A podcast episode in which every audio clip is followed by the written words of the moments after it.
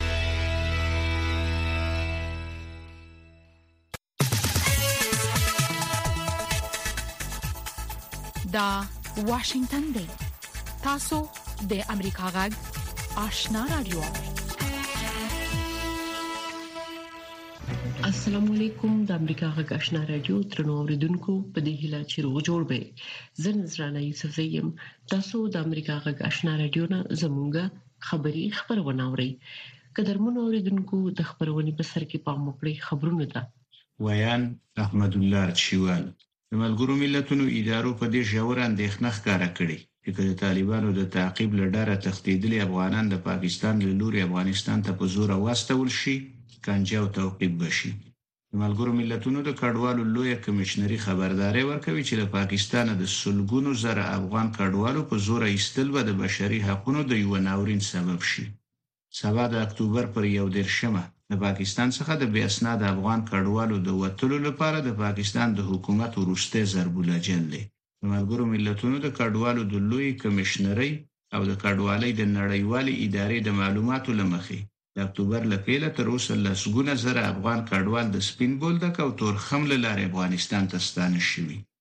د خوړو نړیوال پروګرام، ډبلیو پي، یو ځل بیا له بسپنه ورکوونکو وغوښتل چې په افغانستان کې اړو کسانو ته د خوړو په برابرولو کې د دې پروګرام لاسنیوی وکړي. د دې پروګرام د افغانستان څانګې نن په خپله ټولنیزه شبکه ایکسپاڼه کې لیکلي، چې تېر کال په افغانستان کې درویشت میلیونه کسانو د خوړو پروګرام مرستې تر لاسه کړي او دا کار یوازې د بسپنه ورکوونکو لکه د اسټرالیا، چین، کویت، فنلنډ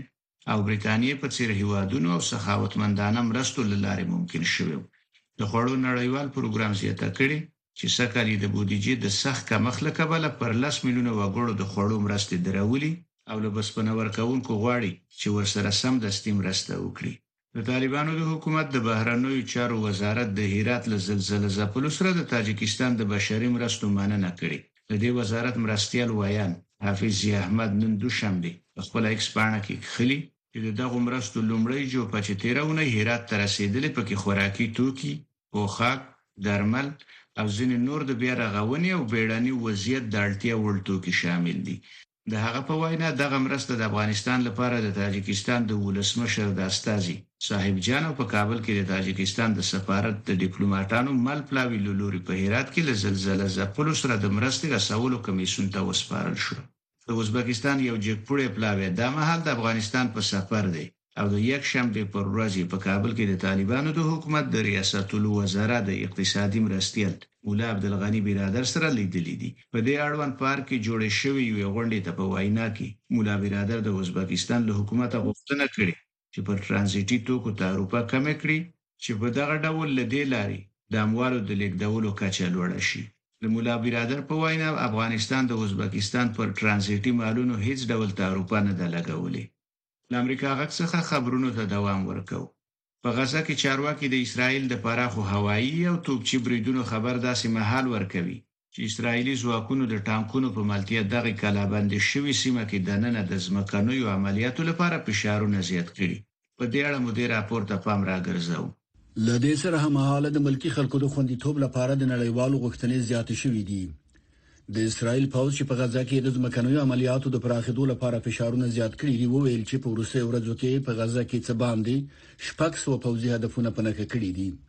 په غزه کې چې روان کړکۍ څلورمې اونۍ ته داخل شوی دی ملکي وګړي یې سخت د تیلو خوراکي موادو او څښاک اوبو له کمښت سره مخامخ دي غورځنګ د امریکا غږ واشنګټن د سپینې ماڼۍ د ملي امنیت سلاکار وايي، اسراییل په غزه کې د ملکي وګړو د ساتنې مسوولیت لري. جیک سلیوان وايي، اسراییل مسوولیت لري چې په غزه کې د ملکي وګړو او د حماس د وسله والو ترمنځ توپیر وکړي. سلیوان پرون له سي ان ان تلویزیون سره په مرکه کې وویل، واشنګټن اسراییل ته د بشري مرستو د محاصرې او د ده په وینا، د ترهګرو او ملکیانو ترمنځ د توپیر کولو په شان سخت مسایل په ګوته کړي. د هند په جنوب کې تېره شپه د دوو رېل ګاړو په ټکر کې لږ تر لږه اته کسان مړه شوي او شاوخوا دوه سوه نور ټپيان شوي. پرېس ټرسټ اف انډيا د چارواکو په حواله راپور ورکړی چې دا پېښه په اندراپردېش ايالت کې شوې. د پوليسو د يوه چارواکي په وينا په دې ټکر کې اته کسان مړه شوي. هغه خوا د رېل لارو يوه لوړپوړي چارواکي بيا له اتلس څخه تر شلو پورې د کسانو د ټپي کېدو خبر هم ورکړی. د لوبو له ډګره وروستی خبر دا دی چې د کرکټ نړیوال جام د دېرشمې سیالۍ پچه افغانستان وګټله او سریلانکا ته یې د توپ وهنې بلنه ورکړه. د افغانستان په یوولس کسیز نوملړ کې یو بدلون راغلی چې د نوراحمد په ځای بېرته فضل الحق فاروقي ته چانس ورکړل شوی. دا سیالۍ د هندوستان په پونې ښار کې ترسره کېږي. افغانستان له دې مخکې انګلستان او پاکستان ته هم ماتې ورکړې وه. د کرکټ ملي لوبډلې لوبډلمشر حشمت شاهدي ویلي، چې د وروستیو بریاوو له کبله د افغان لوبډلې د لوبغاړو روحیه لوړه ده. دا و د دې ساعت خبرونه چې تاسو ته په واشنګټن کې د امریکا غږ له سټوډیو وړاندې کړل. د امریکا غږشنا رادیو درنو اوریدونکو تاسو خبرونه واوریدل په موکړی زمونږه د خبرونې لومړی رپورت ده کابل ته د ازبکستان یو لوړپوړي پلاوي د یکشنبې د ورځې د سفر وروسته د طالبانو حکومت او ازبکي چارواکو د دوه هیوادونو ترمنځ د اقتصادي اړیکو د پراخېدو په اړه هیله څرګنده کړې اکرام شینواری رپورټ را لېږلی د ازبکستان د صدراعظم د مرستیال جمشیش خواجه په مشرۍ یو 15 کسیز ازبکستاني پلاوی د یکشنبې په ورځ کابل ته د سفر پر مهال د طالبانو د حکومت د یو شمېر لوړپوړو چارواکو سره د دوه هیوادو ترمنځ د اقتصادي اړیکو د پراخېدو په لارو چارو خبرې کړې طالبانو د حکومت د صنعت او سوداګرۍ وزارت سرپرست نورالدین عزیزي وایي د ازبکستاني پلاوي سره په بیلابیلو اقتصادي مسلو هر اړخیزي خبرې شوي دغه وزارت لخوا رسنیو ته ازبکستاني پلاوي د مشر جمشید خواجایوب او خاغلی عزیزي ترمنځ د شو خبرو یو برخه استول شوې چې پکې دواړو چارواکو دغه خبرو لپاره رضایت خوده دی ښاغلي عزیزي ویلي چې هڅه کوي چې د ازبکستان سره د سوداګرۍ کچه چې اوس مهال کال کې شاوخوا 1500 میلیونه ډالر ده 3 میلیارډ ډالر ته ورسي هر قدر سهولت بیاریم تجارت بالا میره منفعت هم بالا میره به امید خدا ما خواهشمند می هستیم که خیلی سهولت بیاریم به هر دو طرف به تجارای افغانستان و همچنان به شرکت های بزرگ طرف ازبکستان ان شاء الله ما یقین داریم که به زودترین فرصت ما در 3 میلیارد به امید خدا تجارت خدا میرسونیم همداشان د ازبکستان صدر اعظم مرستیال جمشید خواجه په کابل کې د طالبانو حکومت د رئاسة الوزرا د لومړي او اداري مرستیالانو په ګډون د دغه حکومت د یو شمېر وزیرانو سره خپلې خبرې ګټورې ګڼلي او ویلي دي چې په راتلونکي کې به د دغه خبرو په دوام نورې خبرې هم د دواړو خواوو ترمنځ ترسره شي. ښاغلي جمشید خواجهیف وویل، دغه سفر ډېر په صمیمانه فضا کې ترسره شو او هر ازبکستاني وزیر د خپل سیال وزیر سره په اړوندو مسلو خبرې وکړې. البته دا خبرې لا هم دوام لري. د افغانستان د سوداګرۍ او پانګونې د خونې د مدیره پلاوي غړي خانجان الکوزي افغانستان ته د ازبکستاني پلاوي سفر د دواړو هېوادو ترمنځ د اقتصادي اړیکو د پراخېدو لپاره ډېر مهم ګڼي او وايي چې ازبکستان پاکستان په سیمه کې د افغانستان یو مهم سوداګریز شریک دی. ښاغلي الکوزي امریکا غږ ته وویل چې اوسمهال د افغانستان او ازبکستان ترمنځ کال کې د څلور سوه میلیونو ډالرو په شاوخوا کې سوداګریزه راکړه ورکړه ترسره کېږي چې ډېره کمه برخه یې د افغانستان څخه ازبکستان ته صادرات جوړوي. د دوی نه موږ غنم، اوړه، غوړي، بعضې دوايانې، او همدارنګه زراعتي توکي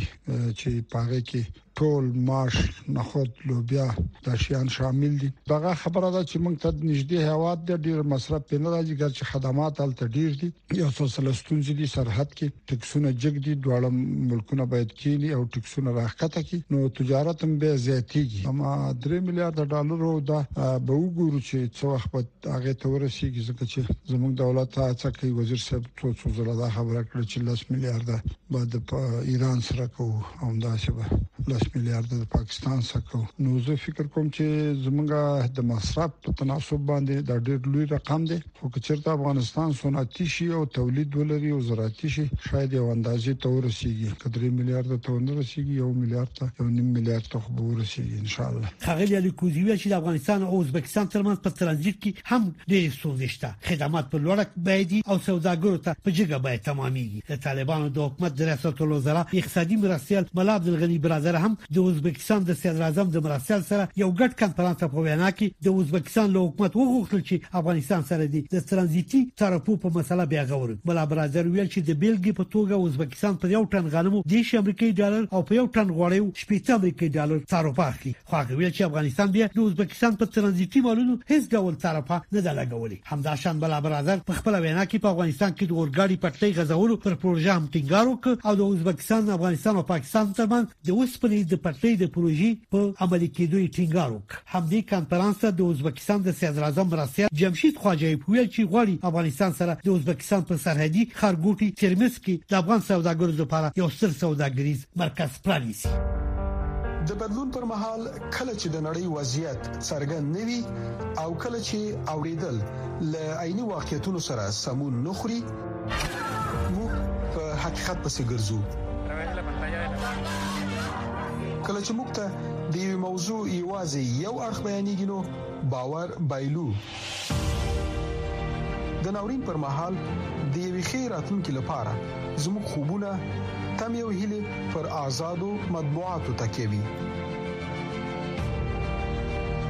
د امریکا غږ پر چپو موږ هغه خبرونه خبرو چې خلک یې د لیدلو لپاره غواخونه مني موږ نړۍ سره وسلو او د حقیقت په ویلو یو موټی کوو د امریکا غږ لاري موږ بشپړ انزور درکو د پاکستان په مختلفو ښارونو کې د افغان کډوالو د جبري ستلو د پریکړې په ضد مظاهره شوې ملګرو ملتونو د پاکستان نه غوښتي چې د افغان شړل وزندوي.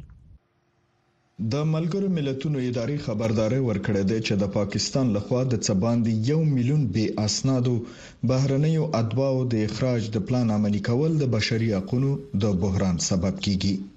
موږ ډېر اندېښمن یو چې ایستونکي د شکنجې، په خپل سر د نیولو، توقیف، سخت تبعیض او لومړنیو اقتصادي او ټولنیزو اړتیاوو ته د نه لاسرسي په ګډون د بشري حقونو د سرغړونو سره مخامخ دي. د پاکستان د بهرنیو چارو وزارت ویاند په یوه اعلامیه کې ویلي چې د ملګرو ملتونو د بشري حقونو کمشنرۍ ته یې رسمي وضاحت ورکړی چې د غیر قانوني کډوالو په وړاندې اقدام د نړیوالو اصولو په چوکاټ کې د پاکستان داخلي صلاحیت دی. دا پرېکړه د نړیوالو اصولو او معیارونو سره همغږه او د پاکستان د کورنیو قوانینو سره مطابق ده. په پاکستان کې د عورت فاونډېشن په نوم د ښځو یو سازمان سلګونو غړو او د بشري حقونو مدافعانو د یکشنبې په ورځ د کراچۍ په ښار کې هم لاریون وکړو او د پاکستان د حکومت د پرېکړې چې بې اسنادو افغانان په جبري ډول بیرته ستنوي پر خلاف شعارونه ورکړل. د پاکستاني حکومت دا تګلاره چې ګڼ شمېر خلک شړي، افغان وېروونکې ده. موږ باید همداسې ټکي وکاروو. دا اقدام تبعیضي دی. زما په نظر دا د حکومت له خوا د بشر ضد یو اقدام دی. د یوه انسان په حیث دا زموږ مسوولیت دی چې په خپلې ټولنه کې د لږ امتیاز لرونکي قشر ملاتړ وکړو او افغان کډوالې برخه ده. موږ دلته راغلي یو چې د پاکستان د حکومت لخوا د نومبر میاشتې تر لومړۍ نیټې د افغان کډوالو د ایستلو پریکړه ضد مظاهره وکړو موږ د پاکستان له حکومت غواړو چې خپل پریکړه بیرته واخلي ځکه دا د ټولو بشري حقوقو سرغړونه ده د ملګرو ملتونو د معلوماتو لمخې په پاکستان کې 1.3 میلیونه افغانان د مهاجرت اسناد لري او 880 زره یې قانوني اسناد لري چې په پاکستان کې اوسېدل شي خو اسلام آباد وایي 1.1 میلیونه نور افغانان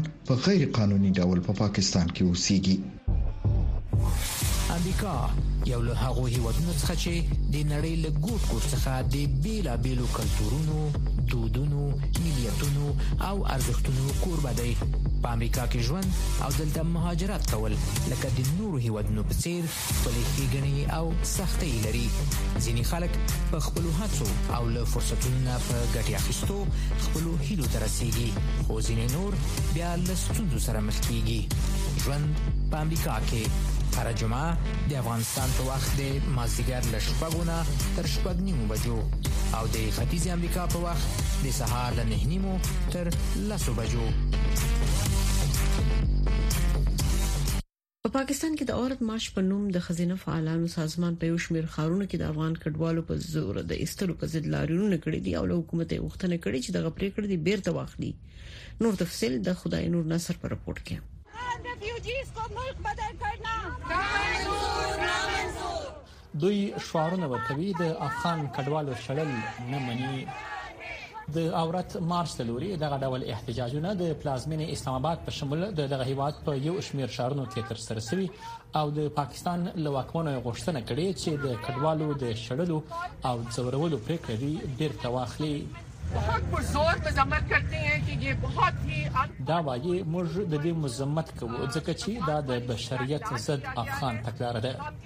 موږ دا ردوو او سخت غندنه یې کوو هم قانون کې خلاف بات نه کرتے اگر آپ نے دای وايي موږ د قانون پر ضد خبره نه کوو کچېری تاسو یو اشاریه و میلیون افغان کډوال افغانستان ته لیږدول نو تاسو به یو پلان جوړاوه په 22 ورځو کې به تاسو دا څنګه عملي کوئ او بیا یو اشاریه و میلیون کسان د پولې هاغاړې ته لیږدول او دا هم په پام کې نه نیول چې هلته به په هغوی څه تیریږي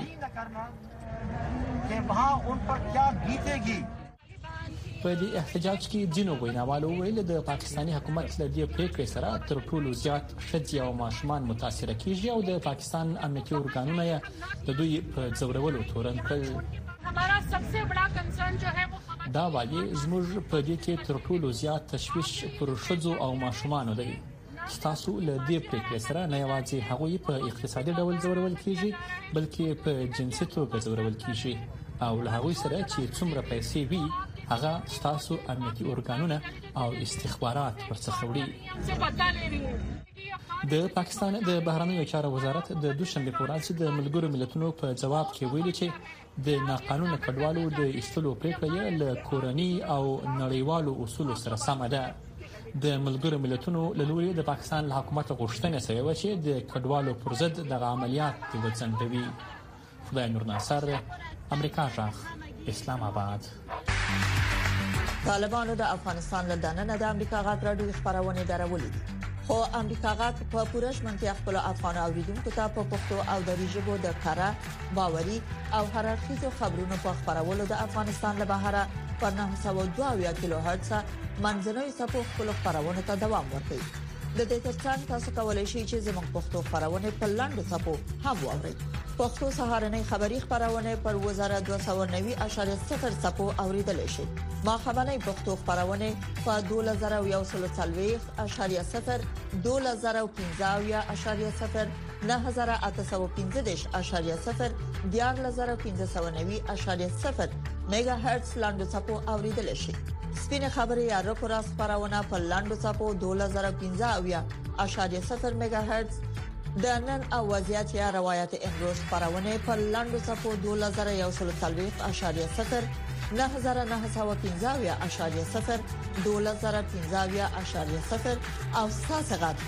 یا صداي شما خبرونه پر لاندو سپو 2015.0 9315 میگا هرتز اوریدل شي په غزي کې د اسرایل د پوز د عملیاتو د پراخېدو سره جوخت امریکا د ملکیانو په خوندیتوب یو ځل بیا ټینګار کړی دی د پوزي چارو شنونکو خبرداري ورکړې چې د حماس د لمنځه وړلو لپاره د اسرایل ماموریت بریالي نه ښکاري نور تفصيل په دې رپورت کې د اسرایل دفاعي ځواکونو د یکشنبه په ورځ ویلي چې د عملیاتو هدف یې د حماس ډله ده نه د غزې اوسیدونکي خو په انځورونو او ویډیوګانو کې ښکاري چې ملکی سیمو ته زیان اوښتی دی د اسرایل په تګلاره او د دغه هیواد څخه د امریکا په ملاتړ کې کوم خاص بدلون نه تر سترګو کیږي د امریکا د ملي امنیت شورا سلاکار جک سالیوان د ای بي سي ټلویزیون په خبرونه کې راڅرګند شو او په دې اړه یې د واشنګټن دریځ بیان کړ.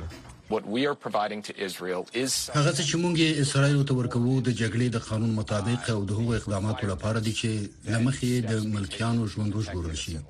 دا هغه اصول دي چې موږ یې هر هېواد ته د وسلو د استولو په وخت کې پلي کوو. د هغو کسانو کورنۍ چې عزیزان یې د اکتوبر پر ومه د حماس په ترهګریز برید کې برمته نیول شوي ویره لري چې د اسرایل ځمکني عملیات به د برمته کسانو ژوند د خطر سره مخ کړي سالیوان وایي چې د دغو کسانو د خوشي کولو لپاره یو لړ هڅې روانې دي موږ د بشري اوربند د ملاتړ لپاره چمتو یو څو برمته شوي کسان په خوندي ډول ووځي موږ به هر ورځ دې هڅو ته دوام ورکړو متقاعد پوځي جنرال رابرټ ابراهمز د ای بي سي ټلویزیوني شبکې ته ویلي چې د حماس د لمنځه وړلو ماموریت په میاشتو وخت نیسي او ناشونی ښکاري. the defense that Hamas will put up in that very very dense urban terrain. د حماس دفاعي اقداماتو او ښاري تونلونو ته په کتو، چې ساری یې پخوا نه دی لیدل شوی، سختې جګړې ته اړتیا لري او په ورته وخت کې باید دا ډاډ ترلاسه شي چې اسرائیل د برمته کسانو موقعیتونه په نښه نه کړي. دا چې د پوځي ماموریت له سرته رسېدو وروسته څه اقدامات لازم دي، په دې اړه جنرال ابراهمز وايي. حماس ځکه رامنځه شو چې جلا فلسطیني دولت شتون درلود او د دوه دولتونو طرحه چې پرې خبرې کېدلې عملي نه شوه. کله چې د جګړې د ختمولو خبره کېږي، نو دا مسئله باید یاده شي او د معادلې یوه برخه دې وي. په ورته وخت کې د فلسطیني کډوالو لپاره د ملګرو ملتونو ادارې د یکشنبې په ورځ ویلي چې خلک یې ګدامونو یا زېرمو ته ننوځي او دا د دې نښه ده چې عامه نظم په ماتېدو ده. دا خبرداری په داسې وخت کې ورکول کېږي چې د کاتولیکو عیسویانو رهبر پاپ فرانسیس په غزه کې د اوربند او د برمته کسانو د خوشی کېدو غوښتنه وکړه احمد شکیب امریکا غږ متضاد اړخونه بیلابیل دریزونه د سپیناوي تود مخامخ بحث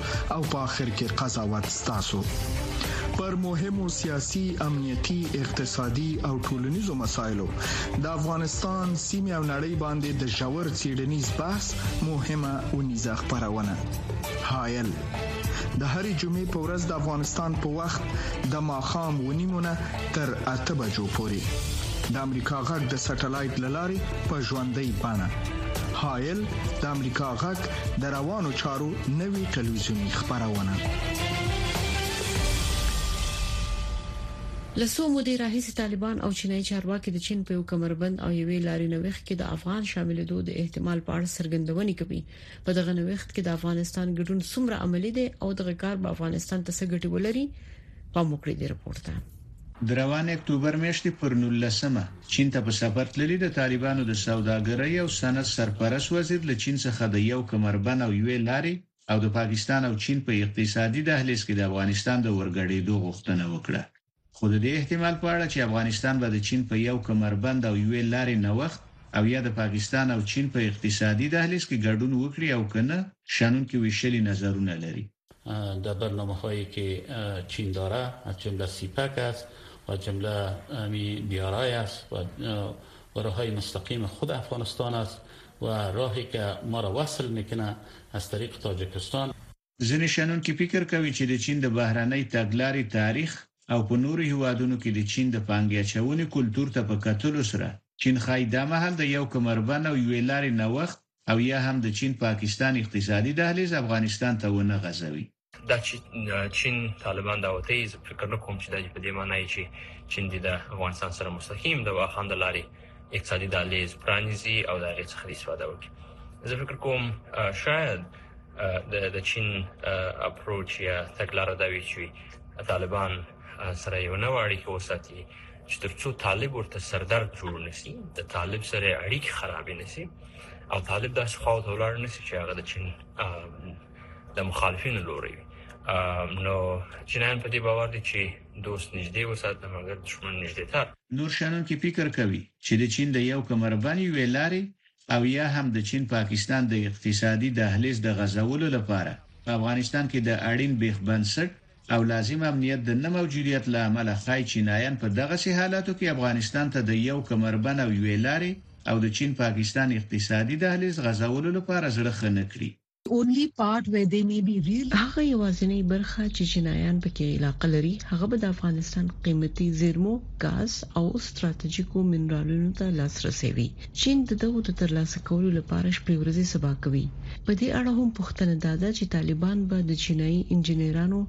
او نورو کارګرو د خوندیتوب لپاره چینایي عسکرو ته په افغانستان کې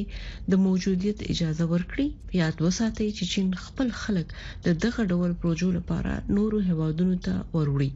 ایا طالبان به دومره لوی شمیر چینایانو ته د افغانو کارګرو په ځای افغانستان ته د تللو اجازه ورکړي او دغه راز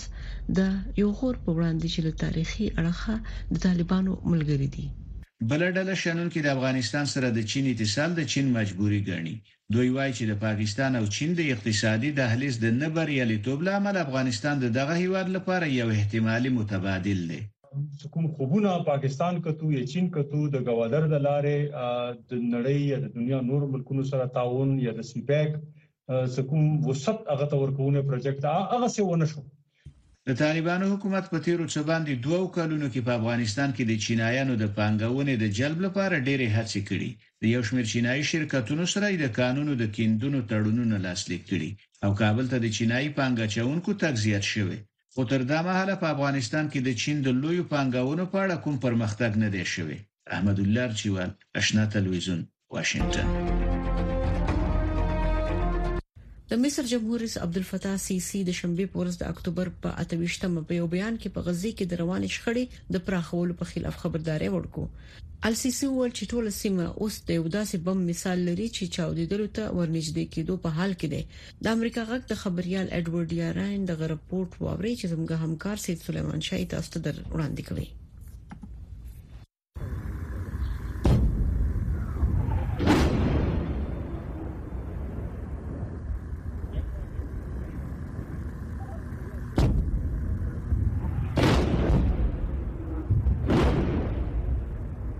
دا د لبنان او اسرایلو د سرحد په وګدو کې د ډزو اوازونه دي په داسې حال کې چې د سرحد دواړو لورو ته د راکټونو تبادله روانه وه او خال خال ډزې کېدې، د لبنان د حزب الله وسله والې ډلې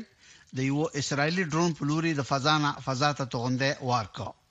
له یو زیات شمېر لبنانیانو سره دا وېره پیدا شوې، ممکن چې د لبنان او اسرایلو ترمنځ به هم جنګ ونښلي. د مصر په شمالي سرحد کې د جمعې په ورځ د ډرون او راکټونو له لګېدو وروسته چې له امله یې څو تنه ژوبل شو، جمهوررئیس عبدالفتاح السیسي د مصر په ګډون د سیمې نورو هېوادونو ته د غزې د درې اونیزې شخړې د پراخېدو پر خلاف د شنبې په ورځ خبرداری ورکړ. امبارح كان في طيارات مسيرة دخلت وتم اسقاطها. د جمعې په ورځ څو فرونده ډرونونه چې له یمنه الوځول شوي وو د مصر خاورې ته ورننوتل خو راوغورځول شول. السیسي خبرداری ورکړ چې د دې شخړې لا زیاته پراختیا د سیمې په ګټه نه ده او د یوه داسې بم په مثال ده چې د چاودلو په حال کې وي. یمني حوثیان چې د یمن زیاتره شمالي برخې او د سرې بحیرې د ساحل یوه برخه کنټرولوي، د لبنان د حزب الله په څېر د ایران ملګري دي. حوثیانو په تېرو وختونو کې د سعودي عربستان په خلاف په جنګ کې له ایراني سخت ډرون نه استفاده کړې وه، خو د لومړي ځل لپاره یې مصر هم په نښه کړ. له بلې خوا د ایران د بهرنیو چارو وزیر حسین امیر عبداللهیان د شنبې په ورځ خبرداری ورکړ، که په غزه کې جنګ دوام وکړي، نو د ایران ملاتړ کوونکې ډلې چمتو دي چې د نوموړي په وینا د عمل میدان ته ودانګي. د ایران د بهرنیو چارو وزیر زیاته کړه چې هغوی په کافي اندازه ډرونونه، راکټونه او توغندي لري او که ضرورت پېښ شو، نو کولی شي چې استفاده ورنه وکړي. عبداللهیان اسراییلو ته ګواښ وکړ او ویې ویل چې په غزه او لویدیځه غاړه کې په دوامداره توګه د ښځو، ماشومانو او ملکیانو وژل به د نوموړي په وینا د اسراییلو په خلاف له ډول ډول اپشنونو نه کار اخیستلو لپاره لاره خلاصه کړي او امکان لري چې هر څه پېښ شي. عبداللهیان وویل که ضرورت ولیدل شي ایران او روزل شوي متحدین یې چمتو دي چې مخ پر وړاندې حرکت وکړي. امیر عبداللهیان همدا راز په غزه کې په فوري ډول دوربند غوښتنه وکړه. نوموړي وویل چې د ملګرو ملتونو سرمنشي انټوني ګوټرېش سیمې ته روان شوی او د یو سیاسي حل د موندلو کوشش کوي. لبنانی څېړونکی خطار ابو دیاب چې د پاریس په پوهنتون کې د سیاسي علومو په رشته کې درس ورکوي، امریکا غږ ته وویل چې مصر او د سیمې نور هېوادونه اوس تر ټولو زیات د خپل ملي امنیت په فکر او غم کې لوېدلي دي. او د سینا په شمال د ډرونونو د بریدونو په شان د کورنیو او بهرنیو تهدیدونو او ګواښونو نه سخت په وېره کې دي. ممکن چې پر مصر باندې بریدونه به یا له یمنه شوي وي او یا به د مصر له سرحده اېخوا شوي وي، خو د دغه هېواد ملي امنیت لپاره یو خطر دی او مصر هم د نورو سیمه ییزو ملکونو په څېر دا اندېښنه لري چې کېدای شي دا شخړه یې خاورې ته خپره شي. قطار ابودیاب وايي چې مصر د غزې تړانګه له نولس سوه او اته څلوېښت میلادي کال نه د نولس سوه او اووه شپېته میلادي کال پورې اداره کوله او په هغه وخت کې په غزه کې او هم په شمالي سینا کې د سختدریځو اسلامي ډلو سره سره او کار و. مصر چمتو دی چې د خپل امنیت د خوندي ساتلو لپاره له غزې نه سینا ته د فلسطینیانو د انتقالولو لاره ډب کړي. له بلې خوا د سعودي عربستان العربیه تلویزیون د شنبې په ورځ خبر ورکړ چې په بشري مرستو بار د ټرکونو دریمه جوپه په غزه کې له ملکیانو سره د مرستې په خاطر د مصر د سرحد په لاره تګ ته چمتو شوې خو څرګنده نه ده چې کوم مواد په کې بار دي. جمهور رئیس السیسي هم د شنبې په ورځ دا خبره وکړه چې مصر د نوموړي په وینا غزې ته د مرستو کاروان د تګ لپاره د اسانتیاوو په برابرولو کار کوي. سید سلیمان شاه د امریکا غږ واشنگټن قدرمنو اوریدونکو تاسو د امریکا غږ آشنا رادیو نه زموږه خبری خبرونه واوریده موږ تاسو له دې هیله اجازه غواړو چې خبرونه به اوریدلې وي د خوده په امان